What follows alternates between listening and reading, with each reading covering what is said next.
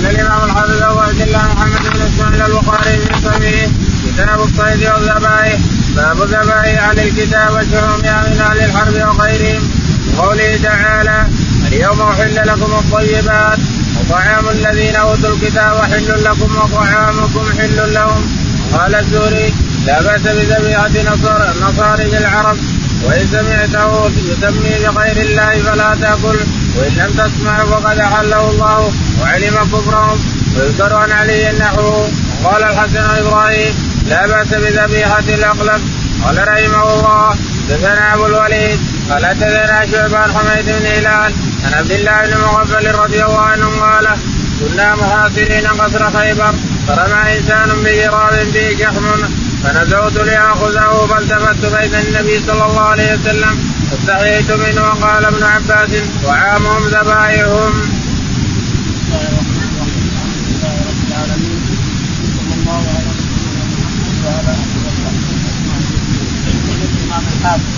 الله البخاري رحمه الله الكتاب نحن لا نزال في كتاب الذبائح للكذب كتاب الذبائح رحمه الله ورضي عنه رحمه الله باب ذبائح أهل الكتاب باب ذبائح أهل الكتاب الكتابين اليهود والنصارى اباحهم الله في كتابه لم بعضهم من ذبائحهم ونساءهم كذلك حلال لهم اللهم فلا تقل نساءنا لهم لأن الاسلام يعلو ولا يعلى عليه ولا يجوز للنصران يكون مسلما لو راينا نصراني هو مسلمه سواء أو أو برضاها لم تقتل لأن الاسلام يعلو ولا يعلى عليه ولا يمكن. ان يتزوج مسلم نصراني ولا يهودي لانها حرام عليه لأن الاسلام يعلو ولا عليه لكن المسلم يتزوج يهوديه مسلم يتزوج نصرانيه لا باس بذلك نعم من أهل الحرب وغيره. وشحومها من أهل الحرب وغيره سواء حربيين انهم نتقاتل أو انهم مسالمون لنا وسالمون معنا ومعنا وبيننا وبينهم مواسير فان لحومهم ذبائحهم حلال لنا ونساءهم حلال لنا. قوله تعالى اليوم احل لكم وقوله تعالى اليوم احل لكم الطيبات وطعام الذين أوتوا الكتاب حل لكم يقول ابن عباس طعامهم ذبائحهم. قال الزهري لا بأس بذبيحة نصرانيه. قال الزهري لا باس لا بأس بذبيحة الاقلب يعني النصراني. نصراني العرب. نصارى العرب. نصارى العرب يعني عرب ما ما ما تقتلوا نصراني تمسك بالنصارى لا بأس بذبيحته سواء من العرب أو غيره أو من العجم. النصراني الثاني يكون في دين المسيح فان ذبيحتهم حلال. وين ويقول الزهري وان سمعته يسمي بغير الله فلا تاكل. وان سمعته يسمي بغير الله يسمي المسيح أو يسمي اليهود بغير أو يسمي ضبط من اصناف فهم على سمعته يشرك بالله لا لا تاكله لأنه ذبحت على بغير الله. وإن لم تسمعه فقد أحله الله. وإن لم تسمعه فإنه عام حتى عام. وعلم كفره. وعلم كفر اباحها الله تعالى ومع علمه بكفره تعالى وحده. ويذكر عن علي نحوه. ويذكر عن علي بن طالب نحو كلام عباس كلام وقال الحسن وابراهيم لا بأس بذبيحه الاقلب. وقال الحسن إبراهيم لا بأس بذبيحه الاقلب. الاقلب يعني ما تقدم سواء كان نصراني أو غيره. قال حدثنا أبو الوليد. يقول البخاري رحمه الله حدثنا أبو الوليد قال حدثنا شعبة. شعبة قال حدثنا حميد بن هلال. هلال قال حدثنا عبد الله بن مغفل. عبد الله بن مغفل قال كنا محاصرين قصر خيبر. يقول كنا محاصرين قصر خيبر وكان يقول فرمي تراب بالودد يعني شحم اليهود يعني سووها اليهود يقول فنزوت لاخذه فالتفت بين الرسول عليه الصلاة والسلام قلبي وتركته واخذت وقال ابن عباس طعامهم ذبائح. وقال ابن عباس طعامهم ذبائح لكن طعامهم يعني ذبائح باب ما ند من البهائم وهو بمنزلة الوحش وأجازه ابن مسعود. وقال ابن عباس ما أجازك من البهائم مما في يديك. وهو كالصيد وفي بعير تردى في بئر من حيث قدرت عليه فزكيه ورأى ذلك علي وابن عمر وعائشة. قال حدثنا عمرو بن علي قال حدثنا يحيى قال حدثنا سفيان قال حدثنا أبي أنا بن رفاعه بن رافع بن خديج. رافع بن خديج رضي الله عنه قال يا رسول الله أنا لاقل عدو غدا وليست معنا مدى. قال أجل أو ان معنا ردم وذكر اسم الله فقل له فقل ليس الزنا وكفرا واحدثك عن مسجد بن وأما الكفر فمدى الحبشة واصابنا واصابنا واسبنا نحب ابل وغنم فند منها بعير فرماه رجل بسام فعبسه وقال رسول الله صلى الله عليه وسلم لهذا الابل أوابد كوابد الوحش إذا غلبكم منها شيء ففعلوا به هكذا. يقول البخاري رحمه الله باب ما ند من البهائم. منزلة الوحش ما ند من البهائم فإنه مثل الوحش يدركه بالرصاص أو بما عند الانسان من السلاح فإذا مات فإنه حلال لك لأن لها اوابد قبائل الرسول عليه الصلاة والسلام يقول هذه الإبل لها اوابد كاوابد الوحش. من القبائل والقبائل عادات من القبائل الوحش يهرب من الانسان والجمل لا أحيانا يهرب من نفسه يتحكم عليه ويعلم ولا يرضى أنك تقول ولا تعلم وقد يهرب فإذا هرب فاضربه بما عندك من الرصاص أو غيره أو نبل أو رمز أو اضربه برمز فإذا فلتت خلاص. وإن تردى في بير فزكاته ان تجرحه الانسان ما قدرت على نحره مع رجلك اضرب اتخذه ولا كرسه ولا ابي تكسر عليه هي زكاته خلاص ثم أو تصبحه أو اضربه من البير إذا تردى بعير ما ناقه ولا جمل تردى في بير ولا استطعت ان تنحره مع منحره اضربه مع اللي تستطيع الإنسان نحره بالسكين وتقول في كرش مع مكان وهو حلال قطعه وتقطعه الله إلى اخره. وأجازه ابن مسعود. وأجازه ابن مسعود من يسمع. قال ابن عباس ما اعجزك من البهائم ما في يديك فهو قد وقال ابن عباس ما اعجزك من البهائم وهو بين يديك فهو كالوحي يعني إذا نشف الرصاص ولا الدروس ولا. وراى ذلك علي وابن عمر وعائشة. وروى ذلك علي وعمر وعائشة أنه يذبح بما عندك الحب رصاصة ولا الحب رمح ولا الحب حربه فان ضربته خلاص. قال حدثنا عمرو بن علي. حدثنا عمرو بن علي الفلاس قال حدثنا يحيى. يحيى. قال حدثنا سفيان. سفيان. عن ابي ثوري عن أبيه سعيد بن مسروق قال عن عباية بن رفاعة. عن عباية بن رفاعة بن رافع بن الخديج عن جده. عن جده رافع بن الخديج قال قلت يا رسول الله إنا لا أقول عدو غدا وليس قلت يا رسول الله إنا لاقوا العدو غدا. حارب والجيش بكرة يتلاقى نحن اليوم. وبما نذبح اذا وجدنا ذبح أو شيء من أو كسبنا ذبائح قال ما أنهر الدم؟ وذكر اسم الله عليه فقل شرطين اولا الدم يخرج والثاني ان تسمي الله عليه الانسان فإذا سميت الله وضربته بأي شيء محدد أو عود أو شيء أو منحر أو خشبة ضربته بها وطلع الدم فهو حلال حينئذ. إذا لم يأتي هذا الشرطين فهو ما هو حلال فهو حرام حينئذ. المهم قال اذبحوا بكل شيء الدم عند السن والكفر ولو حدثوك عنهما اما الكفر فبد الحبشة واما السن فعوض. واصبنا نحو ابل وغنم معنى هذا أن العظام كلها لا يزكى فيها حتى لو انحرت الدم هذا الصاحب والله أعلم. لأن النبي عظم قال السن عظم. يعني إن العظم ما ينحط فيه. وأما الكفر أو الكفر فمد الحبشة نعم. قال قال وأصبنا نعم ابل وغنم فند منها بعير. يقول وأصبنا نعما وابل فند منها بعير فعجبنا عنه. فحبته خير ما استطاعوا فضربه إنسان بلسان فحبسه ضرب كرشه فحبسه وقع. لما وقع قال الرسول عليه الصلاة والسلام إن لهذه الابل اوابد كاوابد الوحش يعني أنها لها طبائع من الطبائع إذا رأى انكم تستكبرونه أو شيئه وهرب فالحقوه الرصاصة؟ الحقوه رمح ولا رصاصه ولا نتيجه باب النهر والذبح. قال ابن جريج أنا لا ذبح ولا منحر إلا في المذبح والمنحر. قلت أيدي ما يذبح أنحر. أيدي ما يذبح أن أنحره. قال نعم. ذكر الله ذبح البقرة. فإن ذبحت شيئا ينحر جاز والنحر أحب إلي والذبقة الأوداج قلت ويقلب الأوداج حتى يقطع النقاع قال لا يخال. وأخبرني نافع أن ابن عمر رضي الله عنهما نهى عن النقي يقول يقطع ما دون العزم ثم يدعو حتى يموت. قول الله تعالى إذ قال موسى لقومه إن الله يأمركم أن تذبحوا بقرة. وقال فذبحوها وما كادوا يفعلون. وقال سعيد عن ابن عباس الزكاة في الحلق واللبة. قال ابن عمر وابن عباس وأنس إذا قضى الرأس فلا بأس.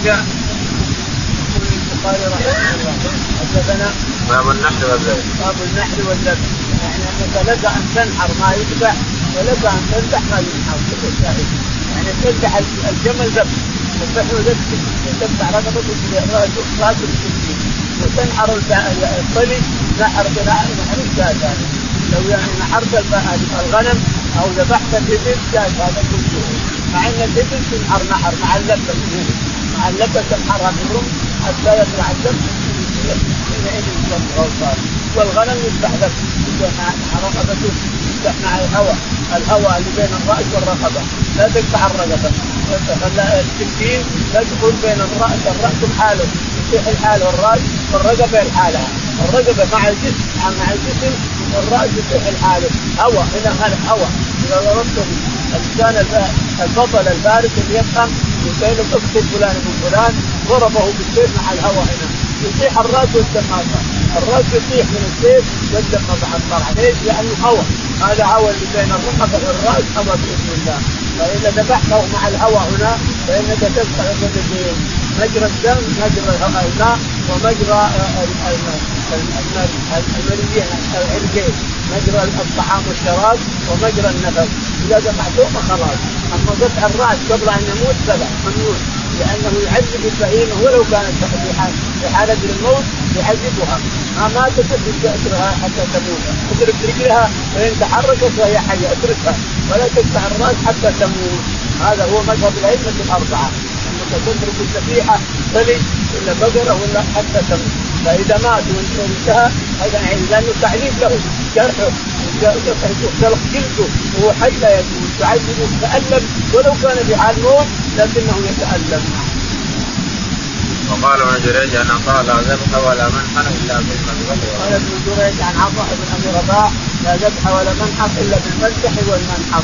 إلا أن يستحسي عليه. يستحسى عليه يطلع في بير ولا هرب. فبالنمل النبله الفوز أي مكان ضربه ووقع فهو حلال وإذا تردد في أي مكان يبكي حتى مع الخف الفقد أو مع الكلى مع أي مكان. تكتب في أي مكان لأن المنحى تغطى خلاص ما تنظر فبعده فقطعه بما تشاء. نعم. قال قلت ايدي وما يبلغ ان أنحره. قال نعم. قلت وايدي وما يذبح المنحى قال نعم. ذكر الله. ينحر تنحر ما ينحر. ذكر الله ذبح البقرة. ذكر الله ذبح البقرة عن بني إسرائيل فإن ذبحت وما كانوا يفعلون. فإن ذبحت شيئا ينحر جاز والنحر أحب إلي فإن ذبحت شيئا ينحر جاز والنحر أحب إلي لا جاز. والذبح قطع الأوزاد نعم. والذبح قطع الأوزاد قطع الأوزاد مجرى النفس ومجرى الطعام والشراب عرقين إذا قطعتهما خلاص ما يموت فقلت قلت فيغلب الاوتاد حتى يقطع اللقاء قال لا إقاء.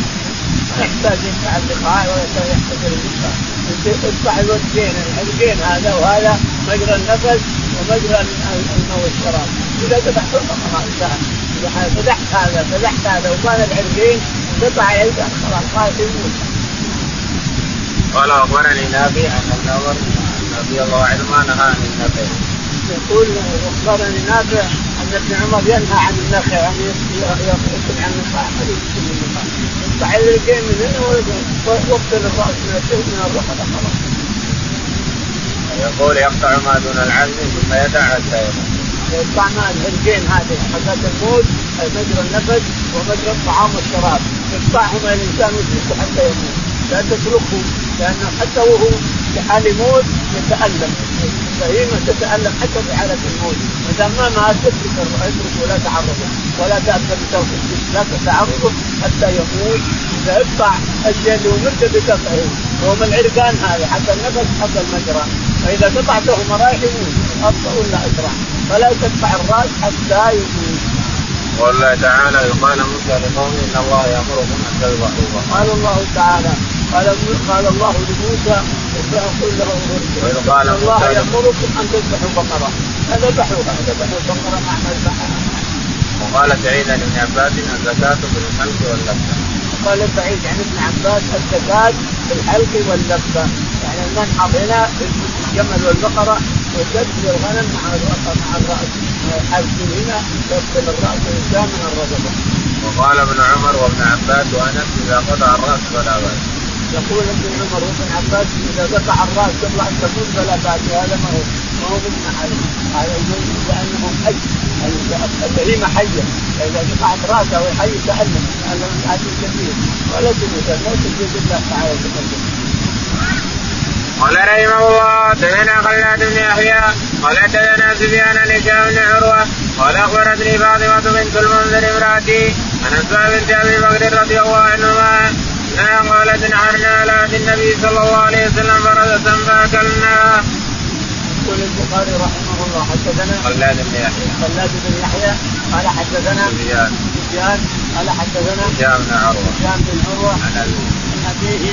عروة فاطمة بنت بنت هشام يروي عن زوجته فاطمه بنت المنذر بنت عم المنذر بن الزبير وهشام وعروة بن الزبير. اخوان فهشام أخذ بنت عمه المنذر فاطمه فكانت تروي عن عن امها عن أمها عن جدتها. أسماء. وهشام يروي عن جدته أسماء بنت أبي بكر رضي الله تعالى عنها قالت نحرنا على النبي صلى الله عليه وسلم فرسا فاكلنا. يقول اسماء نحرنا على عهد النبي عليه الصلاة والسلام. فرسا في خيبر يعني. ذبحوها في خيبر واكلوها نحرنا فرسا على عهد النبي عليه الصلاة والسلام فاكلوها. قال رحمه الله. قال رحمه الله. دثنا إسحاق. لو سمع عبدان هشام فاطمه عن اسماء رضي الله عنها قال ذبحنا على عهد رسول الله صلى الله عليه وسلم برسم ونحن بالمدينة فأكلنا. يقول البخاري رحمه الله حدثنا نعم. قال حدثنا عبده عبده قال حدثنا هشام. هشام. عن فاطمة. عن فاطمة زوجتي عن اسماء عن أسماء ابي بكر الصديق قالت نحرنا في المدينة فرسا فأكلناها. قال رحمه الله تذنى قتيبة ولا تذنى جرير هشام فاطمة بنت المنذر أن أسماء بنت أبي بكر رضي الله عنهما قالت نهرنا على عهد رسول الله صلى الله عليه وسلم فرسا فأكلناه تابعه وكيع وابن عيينة عن هشام في النحر. يقول البخاري حدثنا قتيبة. قتيبة قال حدثنا جرير. جرير. قال حدثنا هشام بن عروة هشام بن عروة عن زوجته فاطمة زوجته فاطمة المنذر أن عن جدة الإمام أسماء بكر الصديق قالت نحرنا في المدينة فرسا فاكلناها. باب ما يكره من المثلة والمصبورة والمجسمة قال رحمه الله حدثنا أبو الوليد قال حدثنا شعبان هشام بن زيد انه قال دخلت مع انس على الحكم بن ايوب وراى غلمانا وفتيانا نصبوا دجاجة يرمونها فقال أنس نهى النبي صلى الله عليه وسلم أن تصبر البهائم. يقول البخاري رحمه الله ما يقول. عن تصبر الدجاجة أو تصبر أو دجاجة تصبر أو شيء من الحيوانات تخليها هدف لك الإنسان إذا تلعب بها أو تخلي اطفالك يلعبون بها يرمون بالنبل يرمونها بالنبل وهي حيه هذا تعذيب للبهائم أخذناه النبي عن تعذيب البهائم يقول البخاري حدثنا أبو الوليد. أبو الوليد. قال حدثنا. شعبة شعبة. قال حدثنا. هشام بن زيد. هشام بن زيد قال. دخلت مع أنس بن مالك على الحكم. بن ايوب يقول دخلت مع أنس بن مالك على الحكم بن ايوب ووجدنا أولاده يرمون الدجاجة مصبره يأخذون حجارة يرمونها أو يرمونها بنبل فقال أنس رضي الله عنه سمعت الرسول عليه الصلاة والسلام ينهى عن قتل الدجاج وعن قتل الحيوانات كلها. تربطها في ترميها في عدد هذا حرام عليك الانسان البهيمه تتعدد كما تتعدد والتربه تنتشر كما تتعدد وكذلك البهائم. لا تعددها قال رحمه الله حدثنا أحمد بن يعقوب قال أخبرنا إسحاق بن سعيد بن عمرو عن أنه سمعه يحدث عن ابن عمر رضي الله عنهما انه دخل على يحيى بن سعيد وهو غلام من بني يحيى رابط دجاجة يرميها فمشى اليه ابن عمر حتى علها ثم اقبل بها وبالغلام معه وقال اذكروا غلامكم أن يصبر هذا الطير للقتل فإني سمعت النبي صلى الله عليه وسلم نهى أن تصبر بهيمة أو غيرها للقتل. يقول البخاري رحمه الله حدثنا احمد بن يعقوب. احمد بن يعقوب قال حدثنا اسحاق بن سعيد. اسحاق بن سعيد قال حدثنا عن ابن عمر. بن عمر رضي الله عنه قال دخلنا دخل على يحيى بن سعيد. دخل على يحيى بن سعيد فرأى ابنه يذكر الدجاجه يرمي الدجاجه فمشى ابن عمر رضي الله تعالى عنه لاجل تكبير المنكر. ينكر المنكر مهما كان عمر لكن ينكر المنكر مهما كان. فمشى ومسك الطفل ومسك الدجاجه واتى بها إلى ابيه قال هذا يضرب يضرب الدجاجه ويضربها. وقد سمعت الرسول عليه الصلاة والسلام ينهى عن تكبير الحيوانات سواء دجاجه أو حتى حلها قام إليها. حل قام وحلها. ومتى متى بالسفن والدجاجه إلى ان قال رحمه الله حدثنا أبو النعمان قال حدثنا أبو عوان نبي بشر عن سعيد بن جبير أنه قال كنت ابن عند ابن عمر رضي الله عنهما فمروا بفتية أو بنفر نصبوا دجاجة يرمونها فلما رأوا ابن عمر تفرقوا عنها وقال ابن عمر من فعل هذا إن النبي صلى الله عليه وسلم لعن من فعل هذا تابعوا سليمان الشعبة. البخاري رحمه الله حدثنا أبو النعمان أبو النعمان عارف قال حدثنا أبو عوان. أبو عوان الوضاح. قال حدثنا أبو بشر. أبو بشر جعفر. قال حدثنا سعيد بن جبير. سعيد بن جبير رضي الله عنه. قال كنت مع ابن عمر نفس يحكون مع ابن عمر مروا برجال يبنون دجاجه فلما راوا ابن عمر تفرقوا هربوا أجل منهم فأخذ الدجاجه وحلها مصبره ترمى ثم قال أين ولي هذا الرسول صلى الله عليه وسلم لا تكبروا الدجاج. نهى عن تكبير الحيوانات كلها دجاج ولا دجاج. حتى التلك المحرم اصله ما يجوز ان يكون هدف للعب يعني. لا يجوز هذا. والدجاجه أو شيء محرم.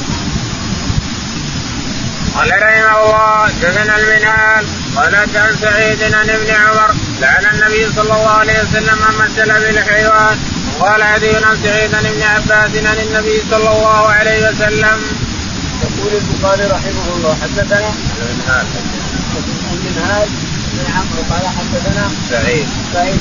قال حدثنا عمر بن عمر عبد الله بن عمر رضي الله عنه قال لعن النبي صلى الله عليه وسلم من مثل بالحيوان. يقول ابن عمر رضي الله تعالى عنه فعل النبي عليه الصلاة والسلام من مثل بالحيوان يعني جعل مثل يضربها يضربها أو تشدها أو شيء يدفع منها شيء حي هذا مدعون أو على بين الرسول عليه الصلاة والسلام. قال رحمه الله حدثنا حجاج بن منهال قال حدثنا شعبة قال أخبرني عدي بن ثابت قال سمعت عبد الله بن يزيد عن النبي صلى الله عليه وسلم أنه نهى عن النوبة والمثلة. يقول البخاري رحمه الله حدثنا حجاج بن منهال حجاج بن منهال أعتقد ان السند الأول لأن البخاري هو منهال حجاج المنهال بن عمرو. الأول بن منهال نعم. بن عمرو.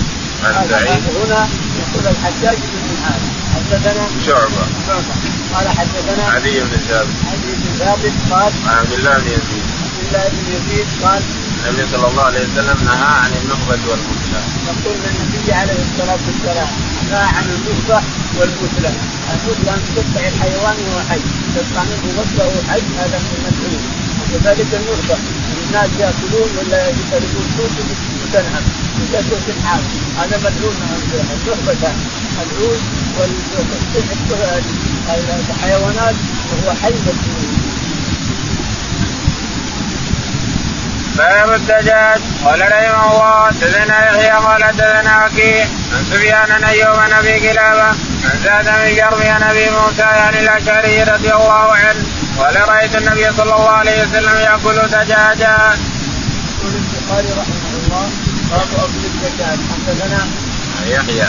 يحيى قال حدثنا وكيع. وكيع قال حدثنا سفيان. سفيان قال عن أيوب عن أبي قلابة. أيوب عن أبي قلابة الجرمي عن أبي موسى الأشعري رضي الله تعالى عنه قال الرسول عليه الصلاة والسلام ياكل دجاجا أحد حرم الدجاج. يعني أحد حرم الدجاج. ياكل يعني انه مباح. الدجاج مباح. حتى من قبل الرسول عليه الصلاة والسلام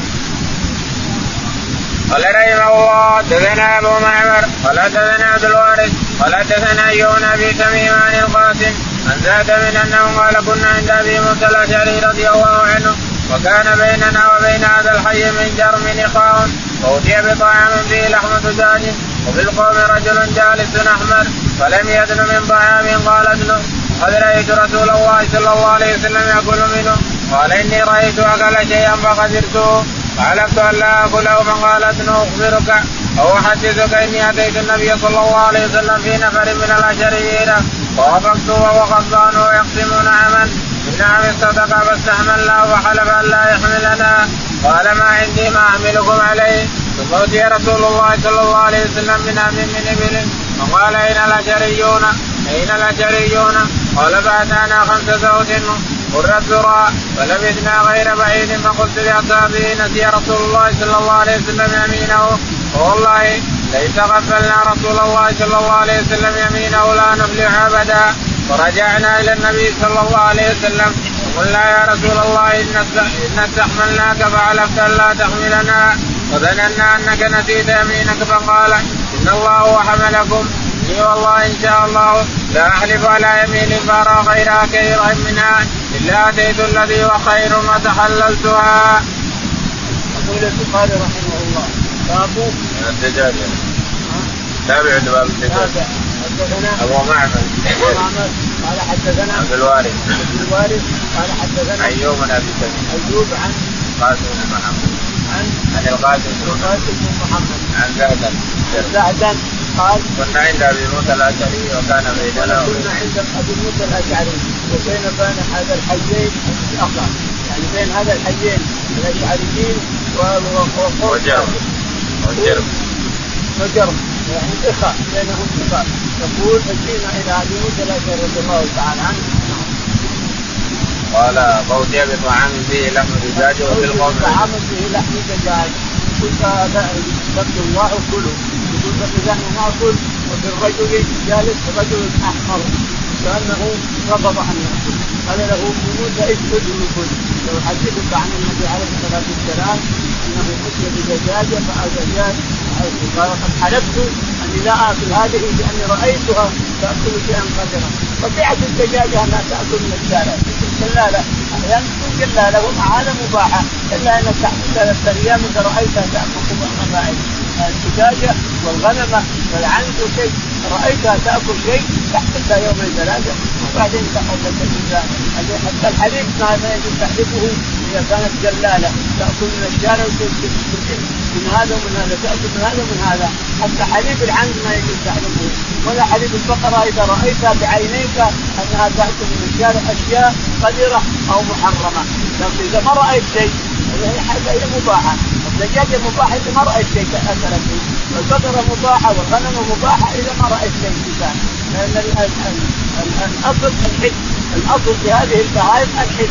لا يجوز ان الانسان يحرم شيئا ما حرمه الله تعالى وتعالى الشاهد أنه قال اغسلوا وساحدثك ان النبي عليه الصلاة والسلام أتيناه ليحملنا نغزو مع الغزو.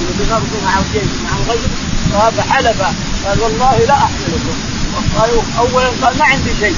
ثم إحنا عليه فقال والله لا أحملكم. حلف يمينا أنه لا يحملنا. يقول فذهبنا من عندي فرحنا من عنده فجاءه خمس زوج خمس من سعد بن عباده رضي الله تعالى عنه. أرسل خمس له حسنة السورة ما ذللت يعني كلها أبصار ما ذللت قال أين الأشعريون؟ أين الأشعريون؟ فنودين له فأتيناه فقال خذوا هذه. الإبل فحلوا عليها تغدون مع الجيش قال يا رسول الله إذا حلفت قال إني لا أحمل ما أنا حملت الله الذي حملكم. واني لا احلف على يمين فأرى غيرها خيرا منها إلا كفرت عن الأولى وأخذت اليمين المباركه التي خيرا منها. هذا عند العلماء سنه أن الإنسان إذا حلفت على شيء ورأيت غير هذا الشيء أحسن منه وأفضل فاغفر له الخير وكفر عن يمينك. أيام إلا تعمل مثلا مساكين بسيطه أما فيها بسيطه ولا تتمثل الشهر أو تخسره ولا تعتق رقبها شهر وتأتي الذي هو خير. تأتي الشيء اللي رأيته أحسن وأفضل تشتري الانسان واترك ما حلفت عليه. باب لحوم الخيل. قال رحمه الله حدثنا الحميدي. قال حدثنا سفيان قال حدثنا هشام فاطمة نسوى قالت لعنا فرسنا على عهد رسول الله صلى الله عليه وسلم فأكلنا. يقول البخاري رحمه الله باب الخيل. حدثنا الحميدي. قال حدثنا سفيان. قال حدثنا هشام قال عن زوجته فاطمة. عن زوجته فاطمة قال عن أسماء. أسماء بنت ابي بكر الصديق رضي الله تعالى عنه قالت نحرنا فرسا على عهد النبي عليه الصلاة والسلام وأكلناها. انظر هو الجوع ما فيه لحم يأكلون لا غنم ولا شيء مشغبة أو انه أنه يريد النبي عليه الصلاة والسلام يريد الناس أن الفرس حلال أن الخيل حلال. هكذا.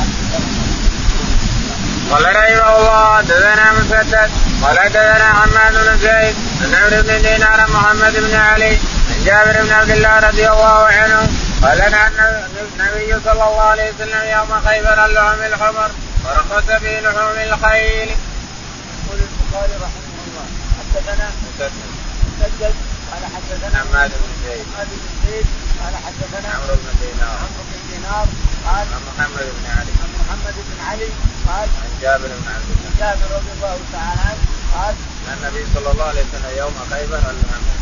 نهى النبي عليه الصلاة والسلام يوم خيبر عن لحوم الحمر الكفرية، الاهليه حرام لأنه رأى قدور قدور ما هذه قال الحمر الكفريه قال اوى اوى اطفئوها اطفئوها وكسروا القدور. قال واحد يا رسول الله أو نقتلها قال أو اقتلوها الشاهد أنه قال باب لحوم الحمر الإنسية فيه عن سلم عن النبي صلى الله عليه وسلم. قال رحمه الله حدثنا صدقه قال أخبرنا عبد بن الله عن سالم ونافع. عن ابن عمر رضي الله عنهما أن النبي صلى الله عليه وسلم لحوم الحمر الأهلية يوم خيبر. يقول البخاري رحمه الله حدثنا باب لحوم الحمر باب الانسيه لحوم الحمر الأهلية وانها حرام. حدثنا فيه عن سلمة عن النبي صلى الله عن عليه وسلم. سلمة عن النبي عليه الصلاة والسلام. قال حدثنا صدقة. سلمة بن يقول حدثنا صدقة. قال حدثنا عبدة بن سليمان. عبد عبد بن سليمان. قال حدثنا عبيد الله. عبيد الله. قال عن سالم ونافع. عن سالم ونافع. عن ابن عمر. ابن عمر رضي الله عنهما قال النبي صلى الله عليه وسلم عن لحوم الحمر الأهلية يوم النبي خيبر. عليه الصلاة والسلام عن لحوم الحمر الأهلية في يوم خيبر. يعني الوقت محدد وهو يوم خيبر. لأن القدور راحت فيه فلما رأى القدور خدخت لحم الانسان فحرمها قال أول حرام حرام. حرام لحوم الحمر. القدسية حرام.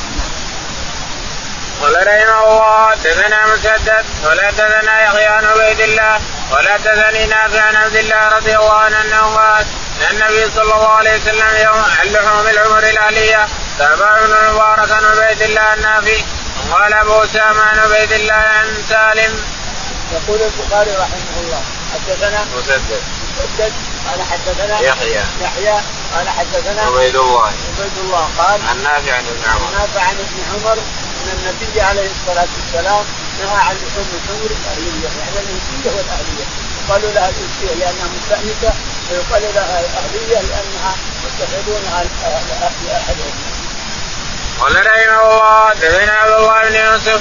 قال أخبرنا مالك بن شهاب عن عبد الله والحسن بن محمد بن علي عن أبيهما عن علي رضي الله عنه قال نهى رسول الله صلى الله عليه وسلم للمتهام خيبر ولحوم الحمر الإنسية. يقول البخاري رحمه الله حدثنا عبد الله بن يوسف. عبد الله بن يوسف قال حدثنا مالك. مالك بن أنس قال حدثنا بن شهاب ابن شهاب الزهري قال حدثنا عبد الله والحسن. عبد الله والحسن ابني محمد بن علي. ابني محمد بن علي رضي الله عنهما أن علي رضي الله عنه قال إن النبي عليه الصلاة والسلام نهى عن لحوم الحمر الأهلية ونهى ونهى عن المتعة ويقول يوم خيبر.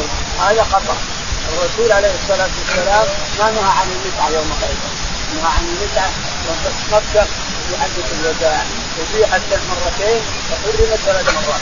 المتعة بالنساء أبيحت ثلاث مرتين وحرمت ثلاث مرات. الثالثة حرمتها إلى الأبد. وإن كان بعض الناس إلى الآن يتخذها والمتعة هي ينكح الرجل المرأة ثلاث أيام ينوي بقلبه. أنه يتمتع فيها ثلاث أيام ثم يطلقها هذه المتعة.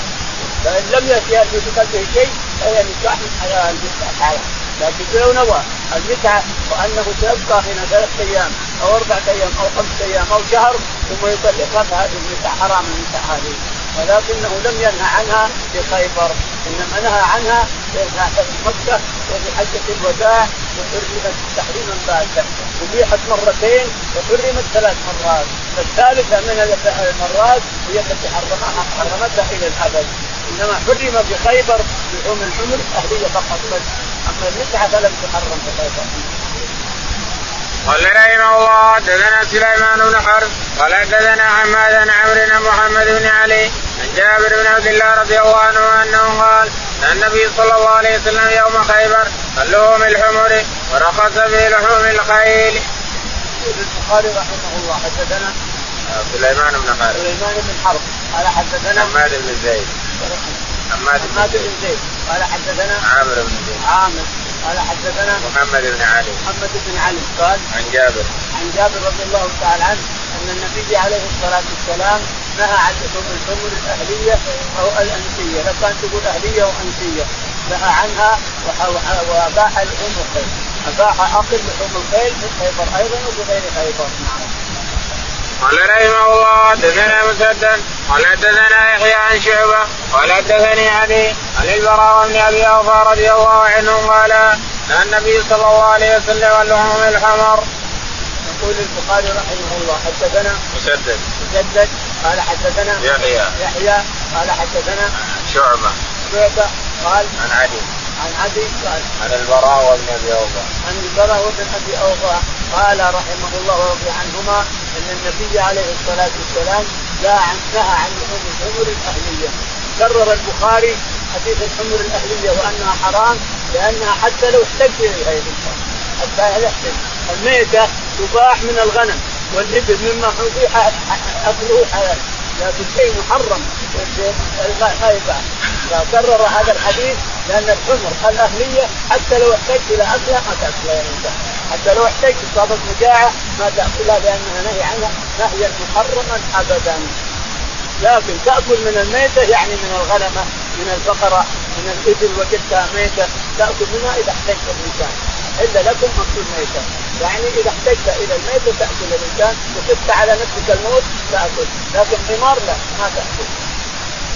قال رحمه الله حدثنا اسحاق قال أخبرنا يعقوب بن إبراهيم قال حدثنا أبي عن صالح بن شهاب أن أبا إدريس أخبره أن أبا ثعلبه رضي الله عنه قال حرم رسول الله صلى الله عليه وسلم لهم الحمر العلية تابع الزبيدي وعقيل بن شهاب قال مالك ومعمر والماجشون يونس بن إسحاق عن الزهري عن النبي صلى الله عليه وسلم عن كل ذي من السباع. يقول البخاري رحمه الله حدثنا اسحاق إسحاق قال حدثنا يعقوب بن إبراهيم. يعقوب بن إبراهيم عن أبيه. عن أبيه إبراهيم قال عن صالح بن كيسان. صالح بن كيسان عن ابن شهاب. عن ابن شهاب الزهري قال عن أبي إدريس القولاني. عن أبي إدريس القولاني قال عن ابا ثعلبة عن أبي ثعلبة الخشني أن النبي عليه الصلاة والسلام نهى عن الحمر الأهلية. هذا يقوله ابي ثعلبة الخشني قال تابع الزبيدي وعقيل عن ابن شهاب. تابعه الزبيدي وعقيل عن ابن شهاب. عن ابن شهاب الزهري والذي روى عنه الأول نعم. وقال مالك. وقال مالك نعم. ومعمر. ومعمر. والماجدون. والماجدون عبد العزيز. ويونس. ويونس. وابن إسحاق. وابن إسحاق. كلهم عن الزهري. كلهم عن الزهري. عن رواة اثنين. عن الزهري صاروا أربعة اثنين ستة يروون عن الزهري. عن قال الزهري بسندي عن النبي صلى الله عليه وسلم عن كل ذي من السباع. نهى النبي عليه الصلاة والسلام عن كل ذي من السباع يعني يفترس يأكل الناس من ديب ونمر وفأس وأسد وغبع كل من يفترس الأوادم أو غيرها أن يفترس ويأكل بنابه يأكل غنم يأكل أوادم يأكل بقر يأكل يفترس بنابه ويأكل. هذا محرم حرم الرسول كل ذي من السباع كل السباع التي تأكل وتفترس محرمة. وكل ذي مخلب من الطير بغير البخاري. ولذلك يأتينا في أبي داود أن كل ذي مخلب من الطير الصقر والشاهين الذي يأكل بنابه يمسك الناس يمسك بنابه يمسك برجوله ثم يأكل بنابه يموت بنابه وهذا أيضا حرام. حرم كل ذي مخلب من الطير وكل ذي ناب من السباع وكل ذي مخلب من الطير. قال رحمه الله حدثنا محمد بن سلام قال أخبرنا عبد الوهاب الثقفي عن أيوب محمد أنس بن مالك رضي الله عنه أن رسول الله صلى الله عليه وسلم جاءه جاهل فقال اكلت الحمر ثم جاءه جاء فقال أفلت الحمر ثم جاءه جاء فقال أفنيت الحمر فأمر مناديا فنادى في الناس إن الله ورسوله ينهيانكم عن لوم الحمر الأهلية فإنها رجس وأوفيت القدور وإنها لتفور بالله. يقول البخاري رحمه الله. حدثنا محمد بن سلام. محمد بن سلام.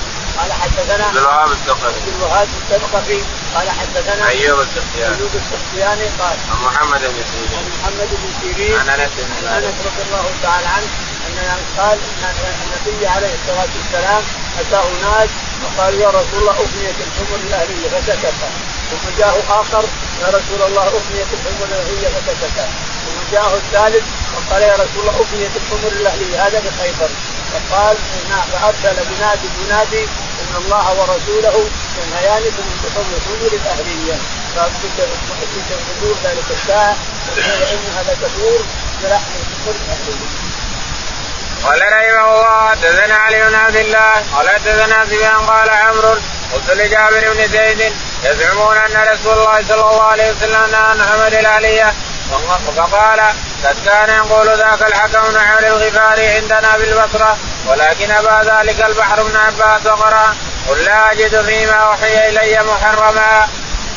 يقول البخاري رحمه الله حدثنا علي علي قال حدثنا سفيان سفيان قال حدثنا عمرو بن دينار عمرو بن دينار قال قلت لجابر بن زيد يزعمون ان جابر بن الشعبه يزعمون أنه أن رسول الله صلى الله عليه وسلم نهى عن عمر الأهلية. يزعمون أن الرسول عليه الصلاة والسلام نهى عن لحوم الحمر الأهلية قال كان ذلك قديما. آه، قد كان يقول ذلك الحكم بن عمرو الغفاري. كان يقول ذلك الحكم بن عمرو الغفاري. في البصرة عندنا في البصرة.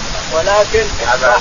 ولكن البحر الأمة عبد الله بن عباس يقول لا لا يحرم شيء على وجه الأرض لقوله تعالى قل لا أجد اوحي الي محرما على طاعم يطعمه إلا أن يكون ذكر أو دم مسكوت أو لحم خنزير وما عدا فهو حلال. هذا رأي ابن عباس. لكن الأحاديث اللي وردت هذه تحدث قبلنا ما وقف عليها ابن عباس لأن الرسول حرم الخمر اللحمية سريعا مثل الشمس. حرم الحمر وغير الحمر مما حرمه ما اتى تحريمه. مثل الشمس الواضحة في النهار لكن الأحاديث ما بلغت ابن عباس رضي الله عنه.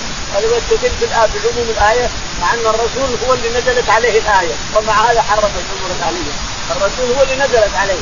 ولا أجد فيما أوحي إلي محرما على طاعم يطعمه إلا أن يكون ميتة أو دما مسفوح أو لحم خنزير فإنه ريب أو فسقا إلا بغير الله فيه. وما عدا فهو حلال. هذا يستدل به لكن النبي عليه الصلاة والسلام خصص بعض الأشياء وحرمها مع هذه الآية مع نزول هذه الايه عليه عليه الصلاة والسلام. حرم أشياء حرم الكلب وحرم الحمير وحرم أشياء اشياء كثيرة خصصها من الآية. فنحن نمشي على ما خصصه الرسول عليه الصلاة والسلام ونقل إلينا عن ائمتنا الأربعة، الائمه الأربعة حرموا الحمر الاليه وحرموا الكلب وحرموا الخنزير وحرموا أشياء كثيرة. حرمها الرسول عليه الصلاة والسلام. نعم. باب أكل كل ذي ناب من السباع. قال رحمه الله حدثنا أبو بن يوسف قال أخبرنا مالك بن شهاب عن أبي إدريس الخولاني عن أبي رضي الله عنه أن رسول الله صلى الله عليه وسلم نهى عن أكل كل ذي ناب من السباع تابعه يونس ومعمر وابن عيينة والماجشون عن الزهري. يقول البخاري رحمه الله باب النهي عن أكل كل ذي ناب من السباع يعني وعن كل مخلب من الطير. سيأتي في أبي داود وعن كل مخلب من الطير من الرسول عليه الصلاة والسلام هذا وهذا. كل ذي ناب يفترس بنابه ويأكل بنابه هذا حرام. وكل ذي مخلب من الطير يفترس بمخلبه ويمسك بيده ويفترس بمخلبه فهذا حرام أيضا. الشاهد يقول البخاري رحمه الله حدثنا عبد الله بن يوسف. عبد الله بن يوسف قال حدثنا مالك. مالك قال حدثنا ابن شهاب. ابن شهاب قال عن أبي إدريس الخولاني عن أبي إدريس الخولاني عن أبي ثعلبة. عن أبي ثعلبة الخزني أن النبي عليه الصلاة والسلام نهى عن كل ذي عن أكل كل ذي مخلب من السباع، كل ذي ناب من السباع وأما مخلب فلم يذكره. نعم. قال تابعه يونس ومعمر وابن عيينة. قال تابعه يونس ومعمر وابن عيينة والماجشون وابن والماجشون كله عن الزهري باب جلود الميتة قال رحمه الله حدثنا زهير بن حرب قال حدثنا يعقوب بن إبراهيم قال حدثنا أبي عن صالح قال حدثني ابن شهاب أن عبيد الله بن عبد الله أخبره أن عبد الله بن عباس رضي الله عنه أخبره أن رسول الله صلى الله عليه وسلم مر بشاة ميتة فقال هل استمتعتم بها؟ بها؟ قالوا إنها ميتة. قال إنما حرم أكلها. يقول البخاري رحمه الله حدثنا باب جلود الميتة. باب جلود الميتة وأنها طاهرة ويستمتع بها. حدثنا زهير بن حرب. زهير بن حرب.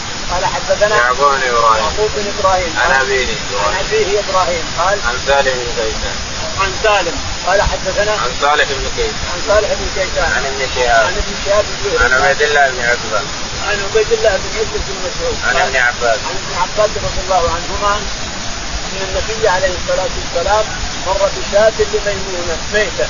فقال الا اخذت من هذا قالوا ميتة يا رسول الله. قال هاتها طاهر. معنى هذا أن الشعر والظفر طاهر من الميتة. تأخذ الجلد وتدفئه وتنتفع به. على أن بعض الأئمة اختلف الأئمة اختلفوا في جلد الميتة. إذا دبغ ما الذي يتفعل به الإنسان؟ الإمام أحمد يقول ما تحط طاهرات المائعات ما الجلد جلد الميتة. إذا دبغته صار طاهر قليلا. لكن ما تحب المائعات فيه هذا مذهب الإمام أحمد رحمه الله. ماء وسمن ولبن وأشياء مائعه ما تحط في جلد الميتة. لكن الأئمة الثلاثة يرون أنك تحب كل شيء الانسان الإمام أحمد تحط يابسات بس رز ودخن وبر وشعير وأشياء ما ما تضر الجلد ولو دبر عند الإمام أحمد ولو دبر على أن دباغه طاهر. طهور دباغه الحديث طهور دباغه فالإمام أحمد له رايه الأئمة الثلاثة واتباع الإمام أحمد. يقولون إنه طاهر طاهر سائل أو غير سائل طاهر لأن الرسول طهره. فطهور دباغه ما دام طهر الدباغ خلاص إحنا نستعمله في اللبن والماء والسمن وغيره من المائعات وبالسهوليات نستعمل هذا مذهب اتباع الإمام أحمد. الإمام مذهبه لا ما تستعمل المائعات وأن تستعملها. قال رحمه الله حدثنا خطاب بن عثمان قال حدثنا محمد بن حمير عن ثابت بن عيلان أنه قال سمعت سيد بن جبير قال سمعت ابن عباس رضي الله عنهما يقول مر النبي صلى الله عليه وسلم بعن ميتة فقال ما على اهلها لو انتفعوا بها بها. يقول البخاري رحمه الله حدثنا خطاب بن عثمان.